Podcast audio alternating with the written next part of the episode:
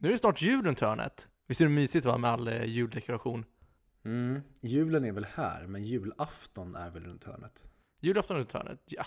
Det, det beror lite på hur man ser på det. Men, vad är din favoritsak med, med julen? Det är väl ledighet. Men jag tycker också att ledighet när det är pissigt väder är astråkigt. Mm.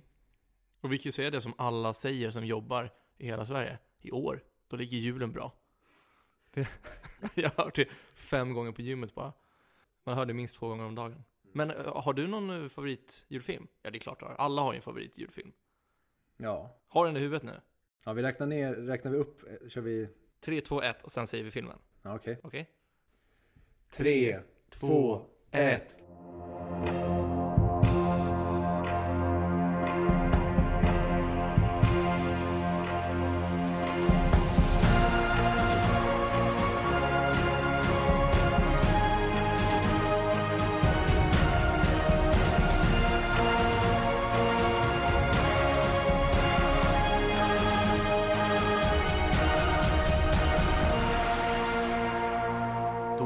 Här igen. Det är 100 mick. Mittemot mig har jag Viktor.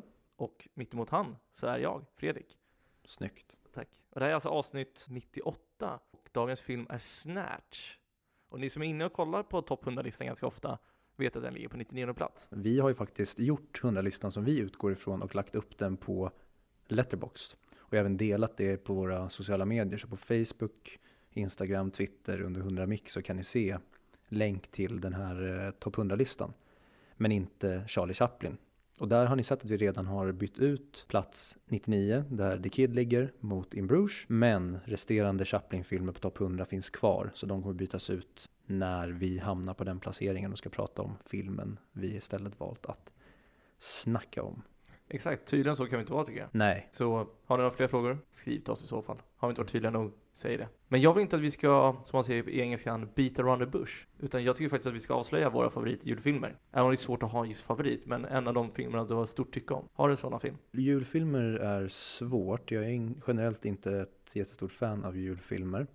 Men någonting som jag alltid återgår till varje år är Sunes jul. Varför det? För att det är bland det bästa vi har fått i eh, serieväg i Sverige. Det är en eh, briljant julkalender och eh, alltså karaktärerna och humorn och allting i den serien är fantastic. Okej, Bästa karaktären som gjorts i Sverige någonsin. Rudolf Andersson och Peter Haber. tycker du? Mm.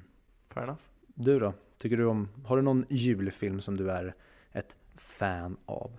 En julfilm som jag älskar är The Holiday. Jag tycker den är väldigt vacker, väldigt fin. Jag blir glad och lycklig av att se den. Varför?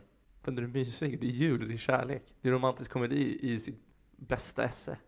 Du gillar att bli vaggad in i den här vackra polerade tryggheten. Ja, man vill ha den här falska verkligheten. Man, man vill tro att det räcker att komma med hundra rosor och språ upp en kärlekslåd så faller tjejen för dig. Men så är det inte. Du pratar om The Holiday, du pratar inte om Love actually. Håller dig. Med Jack Black, Jude Law, Cameron Diaz och Kate Winslet va? En grej som jag verkligen gillar med den det är att Jack Black får spela lite, kanske inte the straight guy, men han i alla fall får vara lite nedtonad för en gångs skull. Jag älskar honom när han får vara Jack Black, men han är väldigt eh, icke Jack Blackig i den tycker jag. Han är lite nördig för mig. Lite kontorsaktig. För han, han spelar in jinglar och sånt. Men han är inte så här utåt och, alltså de säger Jack Black är framåt och... Han är inte- Flubbadoo, buddy! Även om man kan älska det också. Jag tänker på en klassisk julgrej som man alltid gör. Mm. Det är julrim. Är du bra på det? Jag skulle nog utge mig för att jag är en okej rimmare. Men on the air så tror jag att jag är bedrövlig. Men let's see how it goes. Utmanar du mig?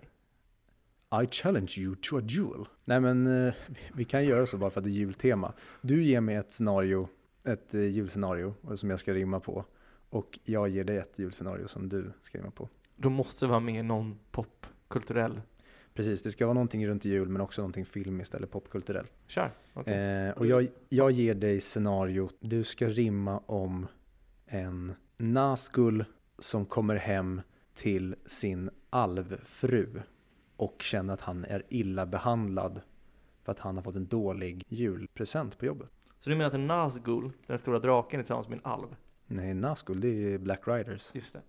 Be om ursäkt för alla som jag ingen älskare. Jag kommer aldrig om det här misstaget. Okej. Okay. De är inte dig alltså? Mm.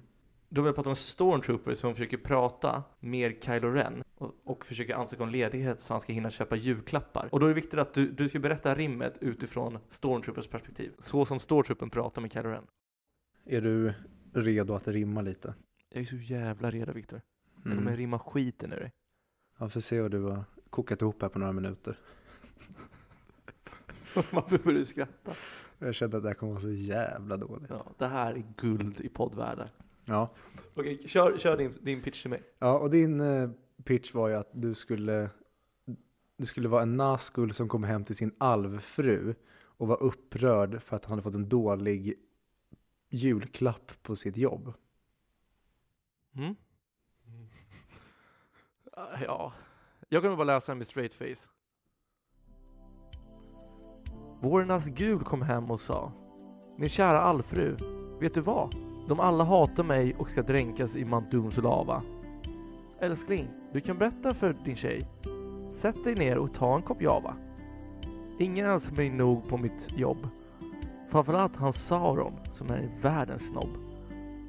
Jag fick ett paket sämre än Pippin. Varför flög de förresten inte bara på varsin Griffin? Fuck dem alla. Fuck mörkrets härskare.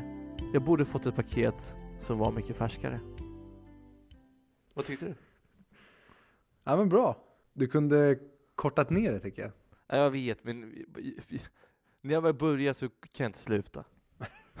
Men dra ditt, eh, din pitch en gång till för mig. då ska jag... Du ska alltså hålla ett, ett julrim, vad nu det är, om Stormtrooper som ska söka ledighet hos Kylo Ren för att kunna köpa julklappar. Mm. Och det ja, det var det jag fick ihop. Snälla Kylo, får jag åka min rymd-Bilo?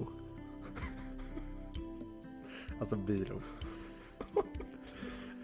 Det är redan så dåligt. Till Tatooine för att köpa något som gör mig fin. Jag lovar att jobba i kapp för jag respekterar dig, Imperiets läderlapp. Gå nu och fäktas mot Ray, men akta så att hon inte ärrar dig. Förutom första rimmet som inte ens var ett rim eller ett riktigt ord. Men det var kul. Så gjorde du bra. Snälla Kylo, får jag åka min rymd Bilo?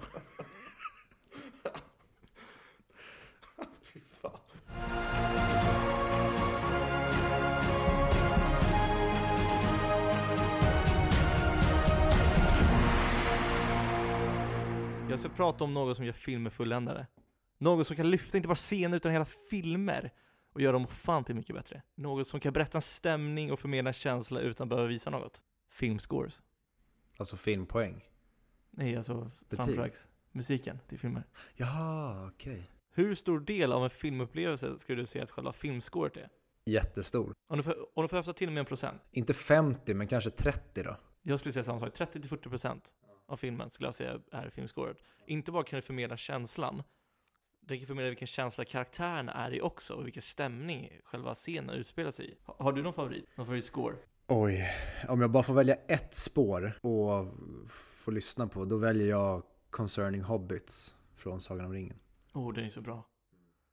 Men har du tänkt också på att det finns lite olika typer av scores? Det finns de som bara bygger upp stämningen, får den på alerten, som det är mycket thrillers i skräckfilmer. Sen finns det de som har en tydlig melodi, som är väldigt catchy, som gör en glad, som Indiana Jones. Men det, det känns som att vi kommer komma in mer och mer på filmscores ju längre den här podden går och ju närmare toppen vi kommer Mm. av INUBs topplista. Men det finns en serie, ironiskt nog, nu i en filmpodd, som har otroligt fascinerande soundtrack. Den serien heter The Leftovers. Har du sett den? Oh yeah, Vad tycker du? otroligt. Väldigt bra. Ja, Kolla på den om ni inte har sett den. Det här kommer, det här kommer inte spoila serien på något sätt. Men just den serien har, har ett soundtrack som är så unikt och så fascinerande. Att det till och med skapats en serie på YouTube som heter Everything is sadder with the leftover music. Och det är alltså att de tar den, the theme av, av Leftovers, sätter in den på andra filmscener. Min favorit är på flight-scenen. Har du sett Flight? mm. När Denzel Washington, när han kör med sitt flygplan. han kör med sitt flygplan. Det är väl scenen när han ska mm, rädda planet och vänder upp och ner. Exakt. Där, har, där finns det på YouTube. De har satt in den här soundtracket på det. Och det Mm. är så otroligt bra. Mm. Så poängen är att allting blir mer sorgligt och mer dramatiskt om man sätter på leftovers-scoret. Ja, och jag ska bevisa det nu. Av en av mina kära kollegor på jobbet så har jag fått låna en Alfons Åberg-bok. Sveriges käraste barnbok och barnkaraktär Alfons Åberg. Och jag tänkte läsa en bit av den boken med The Leftovers soundtracket i, Mm. i bakgrunden. Så får ni själva känna på det här. För många lyssnare så kommer det här vara första gången de hör det här soundtracket. Och det kommer vara till min röst när jag läser Alfons Åberg-boken.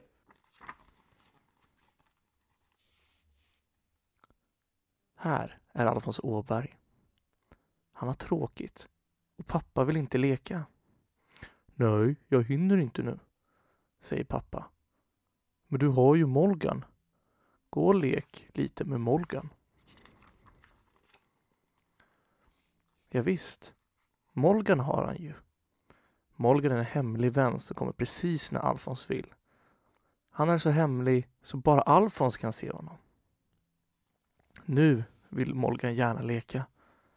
De tar askar och lådor och gör ett tåg. Längst fram ska det vara ett ånglok med skorsten, säger Morgan. Det tycker Alfons med. Då gör de något förbjudet. De lånar pappas finpipa till skorsten. Tåget blir bra och Alfons och Morgan leker och har skoj. Men plötsligt är pipan borta. Vart tog den vägen? Alfons och Molgan vänder på alla tågaskarna. Ja, de letar överallt. Det var pappas fina älsklingspipa som man absolut inte får låna och leka med. Var kan den vara? Det undrar pappa också. Han kommer i dörren och ropar. Har du sett min pipa, Alfons? Nej, säger Alfons. Pappa är sur när han dukar. Eländiga pipa. Om jag kunde begripa vad den är, suckar han och tar fram porslinet. Ett fat för Alfons och ett för pappa. Men ska inte Molgan få någon mat? Påminner Alfons. Åh, det glömde jag. Förlåt, säger pappa och dukar åt Molgan med. Hela vägen till daghemmet är pappa tjurig. Bråttom har han också. Alfons hinner inte med så bra. Vänta lite pappa, ropar Alfons. Molgan hinner inte med. Åh, det glömde jag. Ursäkta mig, säger pappa och går lite saktare. Framme vid dagis får Alfons en hård kram. Vi ses i eftermiddag. Kanske glömde jag pipan på jobbet. Jag kan se efter när jag kommit dit nu, säger pappa. Gå inte än, ber Alfons. Du glömmer ju Morgan. Morgan vill också bli kramad. Visst ja, förlåt mig, säger pappa. Och så måste han böja sig ner och krama en gång till. För Molgans skull. Den eftermiddagen tar de bussen hem. Pappa vill sitta bredvid Alfons. Men det går inte. Morgan sitter ju där, säger Alfons. Du får väl inte sätta dig på Morgan heller? Åh, oh, förlåt. Förlåt. Säger pappa och tar platsen bakom istället. Sen tar han om att pipan inte fanns på jobbet heller. Titta en bil, säger Alfons och pekar. Han vill inte prata om pipor. Och inte heller om bilar. Hemma i hallen hänger det av sig. Alfons vill att pappa ska hjälpa till med Mollingans kläder också. Men det vill inte pappa mer. Morgan kan säkert själv. Jag är trött på Morgan. Jag tycker Morgan ska flytta ifrån oss ett tag, säger han. Så tar han upp ett paket från väskan. Alfons blir glad. Får jag öppna den genast?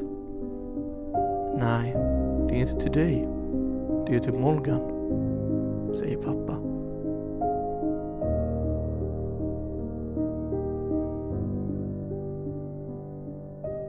Och det var allt vi fick höra om Alfons äventyr idag.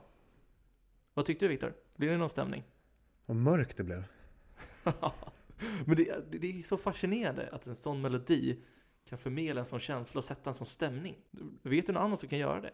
Någonting annat. Har du hört någon liknande melodi som verkligen kan? Det finns ju väldigt många otroliga scores. Men en personlig favorit som jag har det är ju The Nature of Daylight av eh, Max Richter.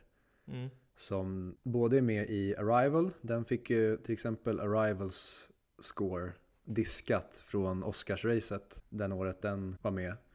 Och filmen Martin Scorseses Shutter Island är det spåret med i båda. Så det är en, en personlig favorit. Det finns ju många, många filmlåtar som, som jag kan lyssna på och bara känna att nu går, nu går man under.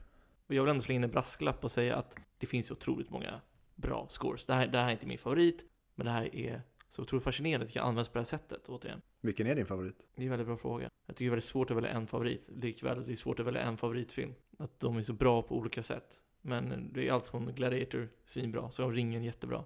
Interstellar, scoren, Mm. Dunkirk, så otroligt bra. Hans Zimmer har ju ett gäng av mina favoriter. Kan du försöka rangordna dina favoriter? Vilka du tycker är bäst? Jag skulle inte kunna sätta en, en topplista, men om jag tar några bubblare. Om jag tar några som i alla fall är några av mina favoriter så har vi eh, filmmusiken till Sagan om ringen. Eh, jag tycker även att eh, Requiem for a Dreams bombastiska score är ett av de bästa som gjorts. Alltså Star Wars går inte att komma undan. Eh, mycket av det som John Williams har gjort är ju otroligt. Men eh, om jag ska landa i ett favoritspår då är det Concerning Hobbits från Sagan om ringen. Och,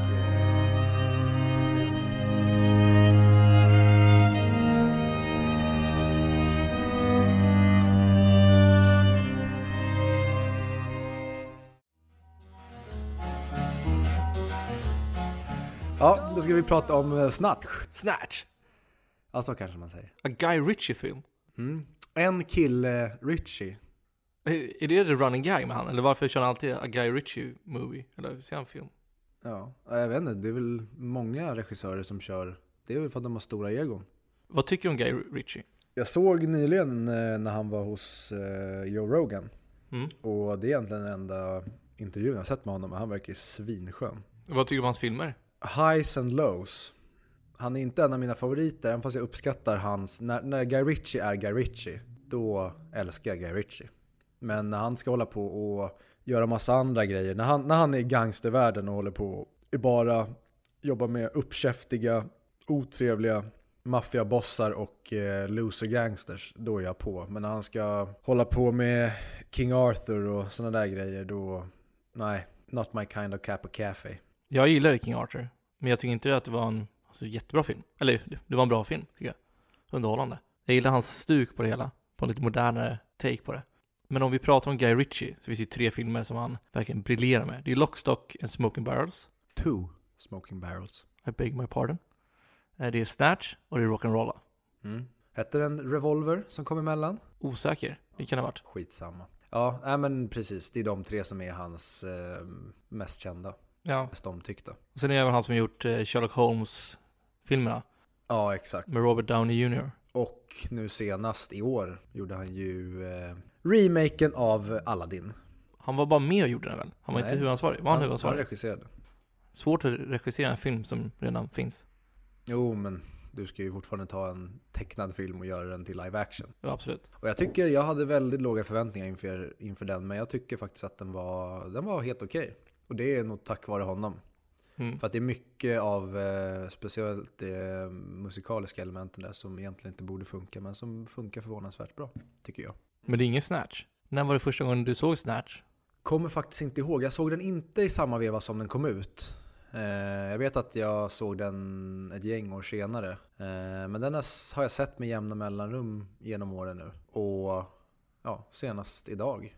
Jag tror jag såg den efter, den första Guy Ritchie-filmen jag såg var Rock'n'Rolla. Eh, och då så tyckte jag att den var väldigt bra berättad. Väldigt bra gjord. Så då ville jag se fler av honom. Och såg Snatch då kanske något år efter. Så det var 2009 kanske? Jag såg Snatch första gången. Var Rock'n'Roll den från 2006 typ? 2007 tror jag, kan ha fel. Och sen dess har jag älskat den. Vad hade du för förväntningar nu när du såg om den? Det är svårt det här i och med att det är en så pass kultförklarad film som jag i alla fall har sett många gånger. Då är det svårt att ha speciellt mycket förväntningar. Men den var förvånansvärt eh, suddig för mig nu när jag såg den. Det var jättemycket grejer som jag inte kom ihåg. Så att den var mycket, det var mycket mer en ny titt än vad jag trodde att det skulle vara. Jag måste säga att jag blev faktiskt eh, lite besviken på den. Varför det? Den är ganska ful. Foto tycker jag inte alls om. Och sen massa olika stilgrepp som den tar. Till exempel som i introt av filmen så snurrar kameran. När de, eh, Benicio del Toros eh, karaktärer, när de är utklädda till ortodoxa judar och stjäl diamanten. Ja. Då håller kameran på liksom i olika klipp och, och snurrar. Och de grejerna tycker jag inte funkar alls. Det kan jag förstå var svinbalt när den kom. Men idag tycker jag det känns... Och det kan också vara för att det är så många som har tagit efter många av greppen i den här filmen och vattnat ur dem. Men det finns många grejer som jag tycker är... Ja men de, de känns lite lökiga då. Och det är typ en sån grej. Jag tyckte om den. Och jag trodde, eller jag trodde att jag skulle tycka om den igen. Det var det jag trodde. Eh, så börjar jag inte gå in på nu vad, exakt vad jag tyckte. Så jag, jag, jag teasar lite med min åsikt, än så länge. Ja. Jag skulle säga att jag tycker väldigt mycket om den. Jag tycker att det är en väldigt bra film. Men jag, den var sämre än vad jag minns den. Vill du beskriva vad den handlar om? Ja men Snatch då, vad den handlar om. Det, blir, det är lätt att, för den är, den är svårförklarad den här. Men om man ska försöka ta det lite enkelt. Filmen börjar med att man får följa, som då i alla fall typ är filmens protagonister. Eh, Turkish som spelas av eh, Jason Statham, eller Statham hur han nu uttalas. Och eh, hans lilla eh, korkade kompanjon eh, Tommy. Och de då jobbar med att eh, de ska göra en... Eh, de ska ordna en uppgjord boxningsmatch i eh, den undre gangstervärlden i eh, London. Samtidigt så får man följa flera olika karaktärer i olika hierarkier. Det är eh, maffiabossar, det är ryssar, det är eh, juvelerare. Det är massa olika personer som är insyltade i den undre världen på olika sätt. Och alla de här på något sätt får nys om en diamant som är storleken av en näve. Och filmen kretsar kort och gott kring den här diamanten och alla de här olika karaktärerna i Londons eh, gangsta world. Exakt, och då, då får man se hur, hur det utspelar sig, hur deras olika vägar möts på olika tillfällen. Men innan vi går in på det så tänkte jag, Brad Pitt är med i den här filmen. Brad Pitt som inte är så bra på dialekter va? Det var ju precis efter Fight Club tror jag, som Brad Pitt kontaktade Guy Ritchie för han hade sett Lockstock and Two Smoking Barrels och ville så gärna vara med i den här filmen. Så Guy Ritchie fick ju skriva om manuset och lägga till den här rollen, Mickey. Guy, Alltså man tackar inte nej till Brad Pitt där Brad Pitt befann sig då. Det gör man inte idag heller. Så att Guy Ritchie tackar ju bara ja utan egentligen ha en direkt plan för vad Brad Pitt ska få plats i det här pusslet. Brad Pitt ville inte spela den här rollen egentligen. För han, vill inte, han, kom, han var ju en boxare. En kille som slogs i, i, i sin tidigare film, Fight Club. Och då, och då skulle han bli en boxare nu också. Så han ville egentligen inte vara det, men eftersom han så gärna ville vara med i Guy Ritchie-film så tog han, han tog ändå rollen. Mm, det var ju en, någonting som följde efter det här. För han var ju rädd för att han skulle bli typecastad som den typen av roll framöver. Men Guy Ritchie lockade så mycket så att han hoppade på det ändå. Ja, och det jag ville komma fram till då var ju att han kunde inte prata dialekten heller, som, som krävdes i, i Guy Ritchie-filmen. Men det här har säkert alla hört. Så han fick ju komma på sin egen dialekt. Och gjorde att inte bara publiken inte kunde förstå honom, utan karaktärerna i filmen som han spelade emot inte heller förstod honom. Det var också en grej som eh, Guy Ritchie gjorde eller som blev en, jag vet inte om det är efterkonstruktion eller om det faktiskt är tanken så, men eh, en del av den kritiken som eh, Lockstock fick var att eh, man hade svårt att begripa vad huvudkaraktärerna sa. Och då därför så var det ett extra fuck in the face och en rolig grej. Just att inte bara så förstod, som du sa, tittarna inte vad Brad Pitt sa, utan karaktärerna förstod inte heller vad han säger.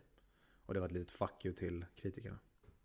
Exakt, och sen tycker jag också kul, eh, gängen med Saul, Vincent och Tyrone, när, när de försöker råna eh, The Bookie. Allt är inspirerat av Late Night TV, när, han, när Guy Ritchie har sett eh, Robberies Gone Wrong och tagit saker som faktiskt har hänt i verkliga livet och lagt på det där, som att de, de inte kan öppna dörren. Mm. Vad tycker du var bra med den här filmen, Victor?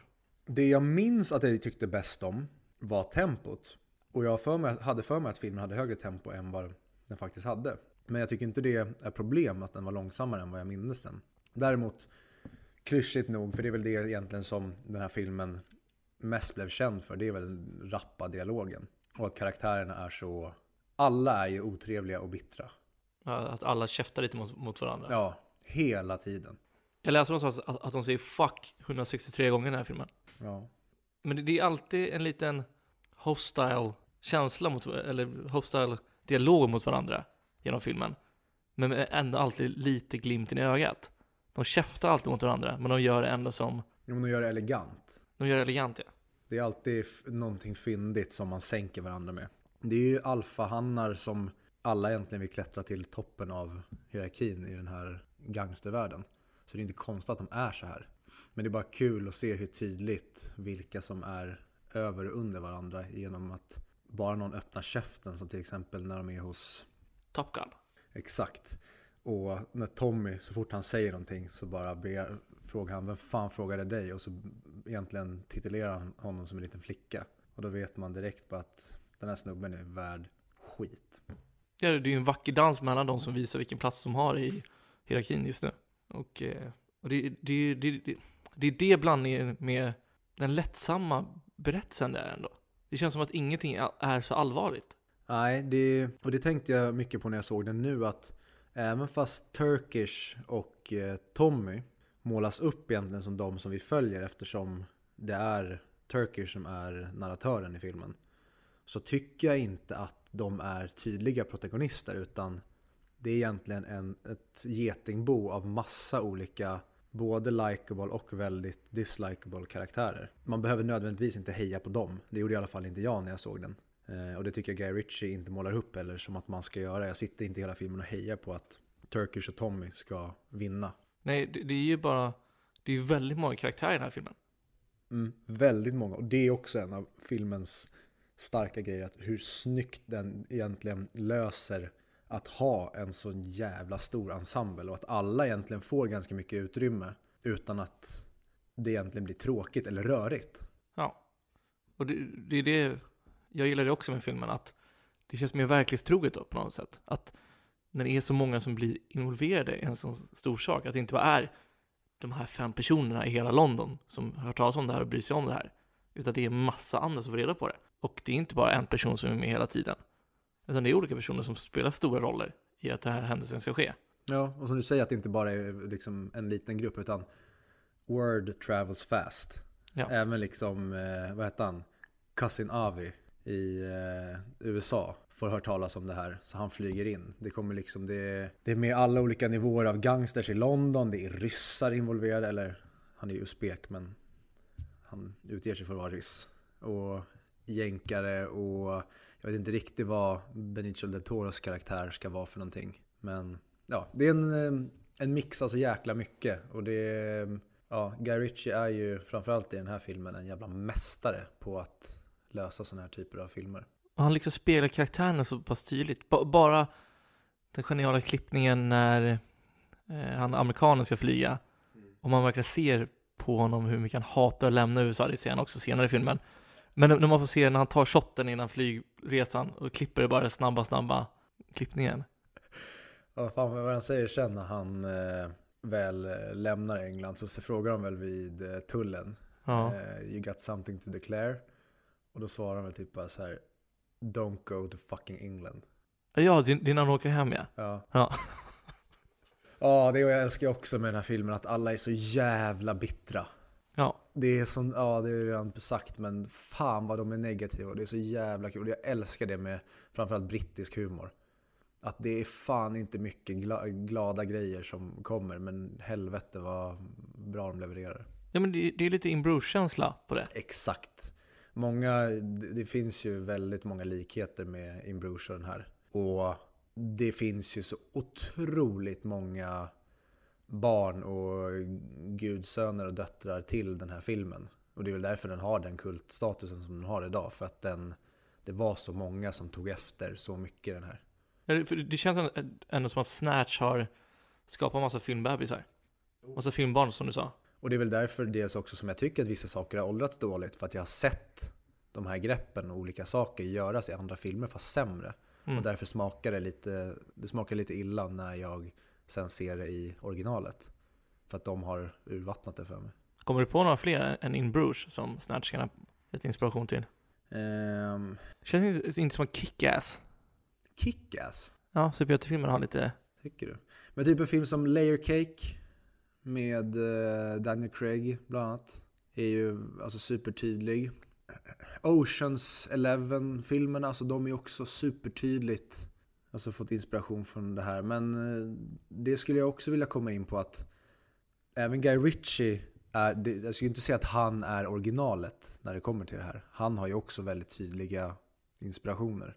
Och en väldigt tydlig inspiration till den här tycker jag är eh, Tarantinos Reservoir Dogs.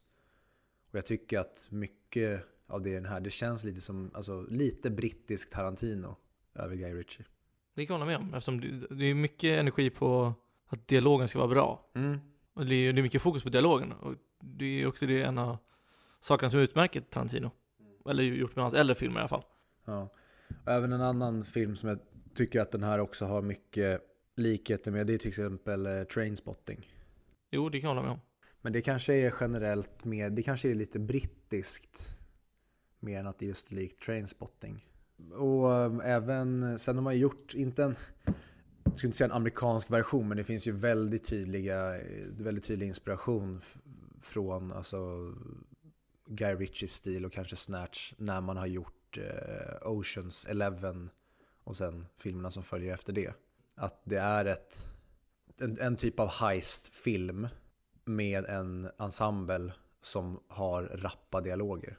Som blåser folk och saker skiter sig och det hoppas fram och tillbaka. Men så framförallt har ju alla den här personen att de, de är aldrig hotade. Det, det spelar ingen roll vad som händer. De- är aldrig rädda. De är aldrig oro, oroliga. Nej, de är, de är lite pantade allihopa. Ja. Men lite, men det tycker jag också alltså, passar in på dem. För det här är ju människor som, de är ju där de är för att de tror att de är the shit. De är ju inte Ja. så medvetna om sina brister tycker jag att det upplevs som i alla fall. Men jag tänker också, det är ju så, så pass många olika gäng. Mm. Och du, du nämnde innan att du inte hejade på Turkish och eh, Tommy. Vilket, vilket var ditt favoritgäng att följa i den här filmen? Framförallt så, jag tyckte väldigt mycket om Tommy. Jag brydde inte så mycket, alltså Turkish har inte så mycket till övers för. Det är så, nu svär jag i kyrkan, men jag tycker att Jason Statham eller Statham är en av de sämsta sakerna med filmen. Jag tycker att han överspelar lite ibland och blir lite lökig stundtals. Men jag tycker att Tommy funkar väldigt bra och han bryr jag mig väldigt mycket om. Så att det, han hejar jag på, men framförallt så hejar jag på eh, Vincent, Saul och eh, filmens största hjälte Tyrone. De sitter, för det satt jag och verkligen och tänkte på när jag såg den här gången. Vem hejar jag på egentligen? Och jag landade i att jag hejade på dem och även Brad Pitt och hans eh, Pikey Gang. Ja, Parkisarna skulle jag också säga att jag hejade på. Jag tycker de, de verkar också vara härliga. Ja, Även om de lurar och svindlar och håller på, men innerst inne så har de ett gott hjärta. ja, sen kanske det är för att de står lägst i hierarkin. Att de, är, de bor i sin trailer park och blir behandlade som skit. Ja. Så man gillar alltid att heja på underdogen och samma sak, det, det, är nog därför jag gillar Tommy. För att alla behandlar honom som skit genom hela filmen. Och sen till slut så får han sin redemption. Ja. Och då blir jag varm i hjärtat. ja. ja, men det förstår jag. Och sen, eh, Men du, du gillar eh, Gypsy-gänget mest? jag skulle säga att jag gillar Gypsy-gänget mest. Eller Parkisarna. Alternativt Top Gun. Jag gillar honom. Karaktären. Jag hänger inte på honom, men jag, jag gillar att följa honom. Mm. Jag gillade nog honom som fan, men just den skådisen har, det känns som att han bara kan göra den karaktären. Det känns som att han har urvattnat den. Det spelar ingen roll för mig. Jag tycker att han gör det väldigt bra. Mm. Det håller jag med om. Sean, Sean Connery skulle ha den rollen egentligen. Guy Ritchie ville ha honom. Och då hade de ju fixat en privat visning för Sean Connery. Av Lockstock. En Two Smoking Barrels. Och sen efter den så hade han sagt någonting lite med att It was a great movie, but you can't afford me. Ja, och vi får jag nästan... Jo, men jag är väl glad att det inte blev Sean Connery. Men det är väl mest för att Sean Connery känns bara så jävla bitter. Men jag vet inte vad, vad har han gjort bra? Han är väl James Bond för många. Ja, men det, det är väl bara det han är. Ja, men James Bond. Alltså det är som att vara ba- alltså Batman. Jo, jo, men det, men jag menar, han, varför vill man ha honom till alla filmer? Alltså, har han någonsin varit en bra skådespelare eller har han bara varit en bra James Bond? Ja, han är väl en bra skådespelare. Sen är väl han, han är väl en kassako, kan jag tänka mig. Ja, Jag hade inte kunnat se Sean Connery i rollen som Top Gun. Det hade bara känts weird. Nej. Hade du kunnat se Sean Connery i rollen som Gandalf? Ja, men jag hade inte känt samma glädje till Gandalf. Det vet du ju inte, men Nej men jag tänker i huvudet, för jag vet inte, Sean Connery känns inte som, som antingen, han känns som den klassiska James Bond-karaktären, eller, eller när han, har du sett The Rock? mm. Ja, den karaktären. En avdankad eh, elitsoldat. synd. Jag, jag, jag tycker jag gillar John- Sean Connery. Synd bara att han gick och blev det han blev och nu är han gone. Nu är han gone. Men nog om Sean Connery. Ja, precis. Nog om Sean Connery. Skit i honom. Var tycker du att filmen gick fel? Om det gick fel? Jag tycker inte att den går fel egentligen. Jag tycker att det är en väldigt, väldigt bra film. Eh, jag kan störa mig på att produktionen ser, alltså fotot framförallt ser lite billigt och blekt ut. Ibland blir det lite väl mycket käftande och liksom gangster kaka på kaka för filmens eget bästa. Men det är nog bara en smaksak. Jag har egentligen inte så mycket att klaga på när det kommer till handlingen eller vägar filmen tar egentligen. Utan det är mer grejer som jag själv tycker att nej, det här var inte min smak. Så att det, och det, det är det här som är så svårt när vi båda tycker om en film väldigt mycket. För att vi sitter ju och slickar ganska mycket röv. Men är det någonting som jag vet att filmen har fått kritik för det är att den är väldigt lik Lockstock. Men samtidigt, om du är bra på någonting, gör det. Och Guy Ritchie är ju typ bäst på att göra den här typen av filmer. Så att tji fick dem. Ja, den är väldigt lik. Det är inte en reboot i alla fall. Det är, Nej, det är, det är ingen remake av den. Men det är, den är väldigt lik. Men det är likadant, är det rockband, det är klart att dina låtar kommer låta väldigt likt. Ja, sen har jag väldigt respekt för både mm, filmskapare och eh, artister och band som eh, vågar gå ur sin comfort zone och göra någonting helt annat och lyckas med det. Och även om de misslyckas med det, för det är, det är nice när de vågar testa någonting annat än det de är bäst på. Men samtidigt, vad fan, om det är någonting som du är bäst på, ge mig mer. Vad fan är jag att klaga? Tryck in så jävla mycket av det goda du kan i min käft, så kvävs jag så kvävs jag. Det är som du säger, det finns inte så mycket kritik att ge till den. Det är i så fall folk som inte, ja det finns ju alltid de här som inte gillar att de svär så mycket, att de är, att det är bara mycket våld och liknande, som tycker att det är överspelat. Mm. Sen har jag för mig att jag läste någonstans att folk klagade på att den inte hade så mycket handling. Men det köper jag inte alls. Det tycker jag tvärtom. Ja, den har nästan för mycket kockar. Att det är väldigt mycket som händer. Men återigen, en mindre begåvad filmskapare hade nog gjort pannkaka av den här filmen. Men Guy Ritchie gör, han spelar typ bra, perfekt alla noter rakt igenom. Ja, men också det här att den är inte verklighetstrogen då, med tanke på att ingen bryr sig. Alltså man kan döda någon och ingen, ingen bryr sig. Polisen kommer inte. Eller de kanske skjuter någon på gatan, det är ingen som, det är som reagerar. Jo, de rör sig väl i sådana områden. Och sen är det väl så, så det kan vi se på Sverige idag. Folk, folk är ju, alltså man är ju rädda för de här människorna. När det är gäng som gör upp, då gömmer sig folk och man vill inte vara den som kallar. För man är rädd för att det kan komma tillbaka till en. Och polisen dyker ju faktiskt upp i slutet av filmen. Det här är inte vad jag tycker. Det här Nej, är jag, kritik jag, säger, jag svarar Ja. bara på det du säger. Okej. Eh, ja, men jag tror att det är många amerikaner som tycker att han härmar Tarantino och då kommer med undanflykterna att sluta förstöra Tarantinos filmer och sluta tro att du ska vara hipp med att göra en sån här film. Det är oftast, det, det tror jag kritiken kommer ifrån, för jag tycker det inte är, det, den är inte legit, legitim, kritiken. Tycker jag. Men det är som vi alltid säger, smaken är subjektiv. Men däremot så tycker jag att ändå det måste finnas någon grund i det man klagar på. Ja. När jag tidigare idag läste lite om eh, om, om kritiken så, så var det många som, av de som inte gav dem så hög, hög rating, det, det, var, det var mycket att, att de, de, de försökte vara hippa, de gillade inte den här typen av humor, den brittiska humorn. De eh, tyckte det var för våldsamt, eller de, de tyckte att det var för, att de käftade för mycket, det som du och jag tycker om. Och det som många som uppskattar den här typen av dialoger, den här typen av film tycker om. Det är, det, det är det de inte gillar. Men det är återigen, jag tror det är personer som kanske saknar någon kärlekshistoria, någon romans, de, de kanske saknar någonting storslaget. För det, det finns ju ingen så här, ja, eller slutet är ganska storslaget när Parkisarna kommer till boxningsringen. Ja, De kanske tycker att eh, folk är för... Det finns ju egentligen inte som... Alltså ingen är egentligen the good guy. Alla är egentligen bara giriga och vill klättra. Och även fast de är skurkar allihopa så tycker jag att de är sympatiska skurkar. Men jag kan förstå om folk tycker att de inte är sympatiska för att de är ju skurkar allihopa. Ja, exakt. Men det är, det som gör filmen bra. Det, det går inte få både och. Om, om man offrar det här, det som jag sa nu, då kommer man, då kommer den bli sämre.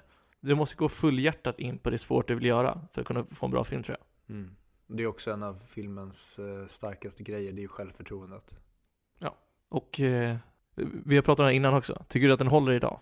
Ja, alltså jag tycker inte att den, för det kan jag säga att jag tycker inte att den hör hemma på IMDBs topp 100. Varför inte? Jag tycker inte att den är en av de 100 bästa filmerna som gjorts. Och jag tycker att det, det för mig är det en klockren 4 av 5, en 8 av 10. Det är en väldigt bra actionkomedi. Men jag tycker inte att den är, eh, det är inte ett mästerverk för mig. Men vad tycker du att den saknar? Det är det, det är svårt att sätta fingret på. Det kan också vara på grund av att den andra har förstört den genom att eh, stjäla mycket av det som den här filmen gör bra. Men jag tycker att den, ehm, den är, min största kritik är att jag tycker att den är ganska ful. Okej. Men det, det kan ju också bero på att, att det kan ju vara att den inte har åldrats idag så pass bra. Att eh, den, den har inte åldrats i och med omgivningen. Det vill säga att folk har snott från den och kanske övergjort det som, gör, som gjorde Snatch så pass bra när den kom ut. Vad får den för mick? Får den minus 250? Nej, jag skulle absolut kunna ge den att den ska ha på topp 250 att göra. Men jag tycker inte att den har på topp 100 att göra. Har den un- ungefär någon, någon spann? Ja men säg eh, mellan 100 och 150 då. Jag skulle ge den här 100 till 90 mick. Jag tycker den ska vara på topp 100. Eh, jag tror det kommer komma filmer snart i vår lista, i vår resa upp till nummer ett-platsen som jag inte kommer tycka om lika mycket. För just nu, egentligen har vi bara sett två filmer på 100, så för In Bruges la vi till också. De två filmerna älskar jag, båda två. Snatch och Amelie. Men eh, jag tycker det, topp 100. 100 till 90 mick, 95 mick får den vara i mitten där. Det är mitt slutgiltiga betyg. Bra. Ska vi säga adjö? För den här gången. Nej, för nästa gång. Så vi säger hej då nu i avsnitt 97. Ja, sen bara vi klippa ut det här då. Och sen, då klipper vi in det här. Ah, du tänker så. Mm. Om du vill, hur säger vi hej då för den här gången? Jag vet inte. Har du en bra idé? Vi säger hej då. När då? Jag vet inte. Nu? Hej då. Hej då.